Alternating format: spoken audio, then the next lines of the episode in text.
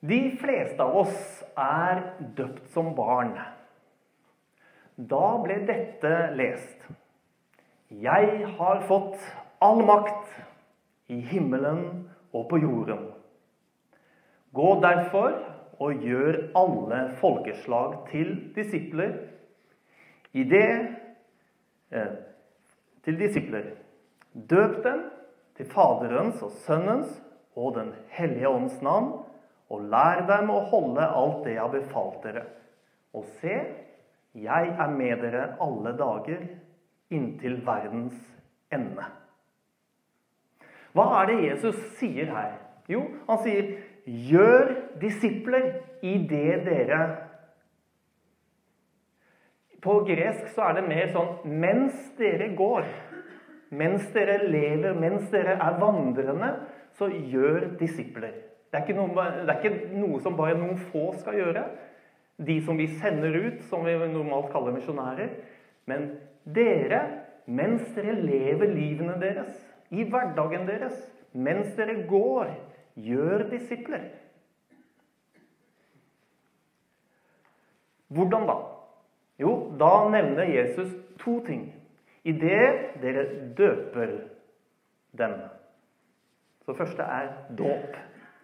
Dåp, det inneholder hele Guds fylde av tro, åndelighet og kirkens visdom. Og i det så ligger det religiøs praksis og kirkens dogmer. Og det er viktig. Men det er første del av misjonsbefalingen. Andre del av misjonsbefalingen lyder i det dere lærer dem Hva da? Lære dem hva da? Hva er det vi skal lære dem? Jo, å holde det jeg har befalt dere. Med andre ord Disippelskap det handler om dåp og etterfølgelse. Eller det som jeg da vil kalle tro i praksis.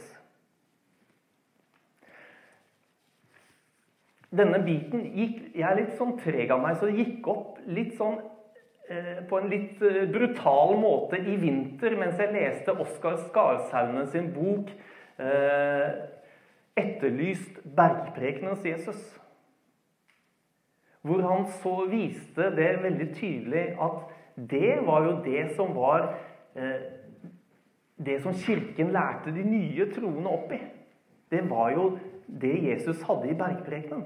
Altså den praktiske etterlevingen av den kristne troen. Og så tenkte jeg på, For jeg har hatt hele to konfirmanter. Så tenkte jeg på at når jeg driver med konfirmantundervisning, hva underviser jeg da?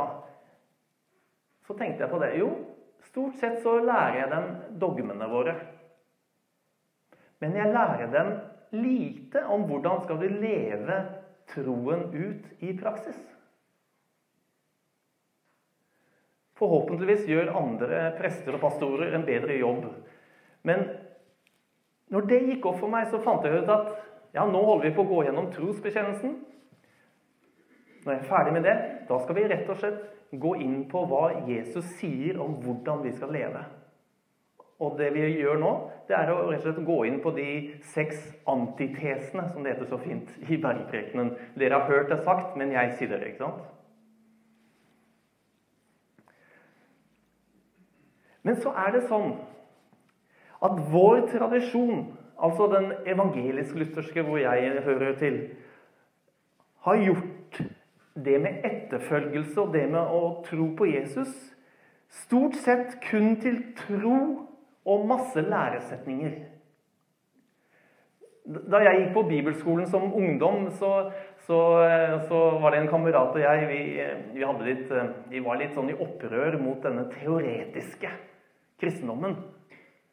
Og, så hadde vi hørt om en sånn gammel bedus- eller pinsevennsang Eh, så vi omgjorde teksten litt på den, og vi sa Det kan ei erfares, det kan kun forklares. Selvfølgelig er det motsatt vei. Det kan ei forklares, det kan kun erfares. Men vi, vår opplevelse av hvordan den, vår, vår kirkesammenheng var, var det at vi var mye mer opptatt av å forklare enn å erfare. Å komme med dogmer istedenfor å leve det ut. Men så har vi jo Vi er jo Jeg er i hvert fall i den evangelisk-lutherske kirke. Og Luther han løftet veldig tydelig opp troen alene. Men da er mitt spørsmål kan troen være alene? Og så har jeg tenkt litt på det, og så har jeg undersøkt litt og hørt litt.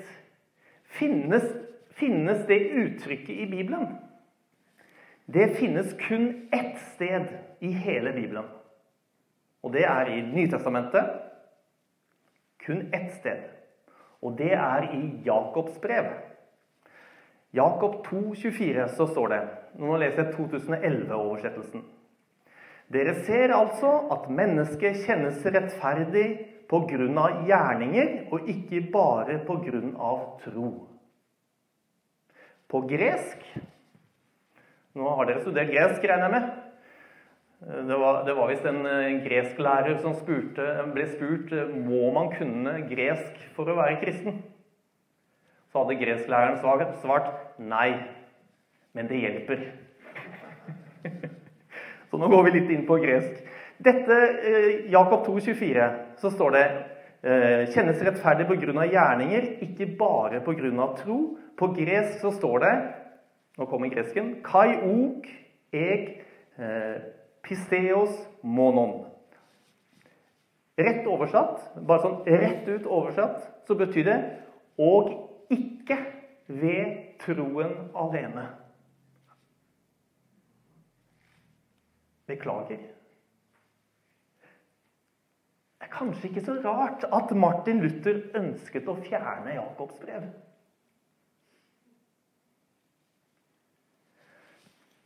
Men nå skal jeg være fair, altså. For jeg tror at rett forstått så var det antagelig ikke slik våre lutherske fedre mente det heller. For i Confessio Augustana, som dere, jeg regner med at dere kan utenat, i 20, eh, eh, så siteres det fra kirkefaderen Ambrosius, som sier Troen er mor til den gode vilje og den rettferdige handling. Jeg syns det er en veldig fin setning, så jeg tar den en gang til. Troen er mor til den gode vilje og den rettferdige handling. Og det er ganske nær det som apostelen Jakob, kapittel 2, vers 26, sier for som kroppen er død uten ånd, er troen død uten gjerning. Men hva er tro? Jeg har prøvd å illustrere det av og til for konfirmanter og de som er yngre, så jeg tenkte jeg skulle gjøre det samme nå. Jeg. Vi tar en sånn praktisk øvelse på tro. Hvordan viste han at han trodde på og stolte på meg. Han satte seg. Han stolte på meg og faktisk satte seg. Hvis han ikke hadde satt seg, da ville jeg tenkt Nei, han, han stoler nok ikke på meg. Han tror ikke på meg. Og det, det, var jo, det, var jo, det som også hadde vel ligget inni deg, hvis du ikke hadde turt å sette deg. For du hadde antakeligvis trodd at, at enten sto jeg et annet sted, eller så hadde jeg tatt vekk stolen. For det kunne jeg fort gjort. Men jeg sa til han, stolen står bak deg. Ja, det stoler jeg på. Og så kan du være så snill å sette deg. Og så gjorde han det. Så hvordan ser man at han trodde på og stolte på meg? Jo, ved å gjøre det jeg ba ham om. Det er tro.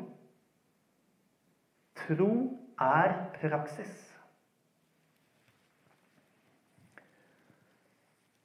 Det handler om lydighet i tro. Og Det er også slik apostelen Paulus forstår sitt aposteloppdrag. For i Romerne 1,5 så står det Ved ham har jeg fått nåde og aposteloppdrag, for at jeg skal føre mennesker av alle folkeslag til lydighet i tro, til ære for hans navn. Aposteloppdraget til Paulus det var å føre alle folkeslag til lydighet i tro. I 1930-oversettelsen står det 'troens lydighet'.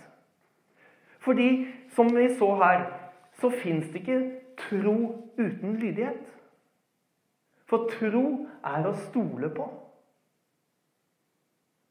Og stoler du på, så er du lydig. Men la oss gå tilbake til Jesus, som ga oss misjonsbefalingen i Matteus 28. Og så sier han, 'Lær dem å holde det jeg har befalt dere' det jeg har befalt dere. Har han sagt noe lignende andre steder? I Matteus 4 står det om Jesus etter at han har fått høre at døperen Johannes er fengslet, at Jesus forlot Nasaret og bosatte seg i Kapernaum ved sjøen. I vers 17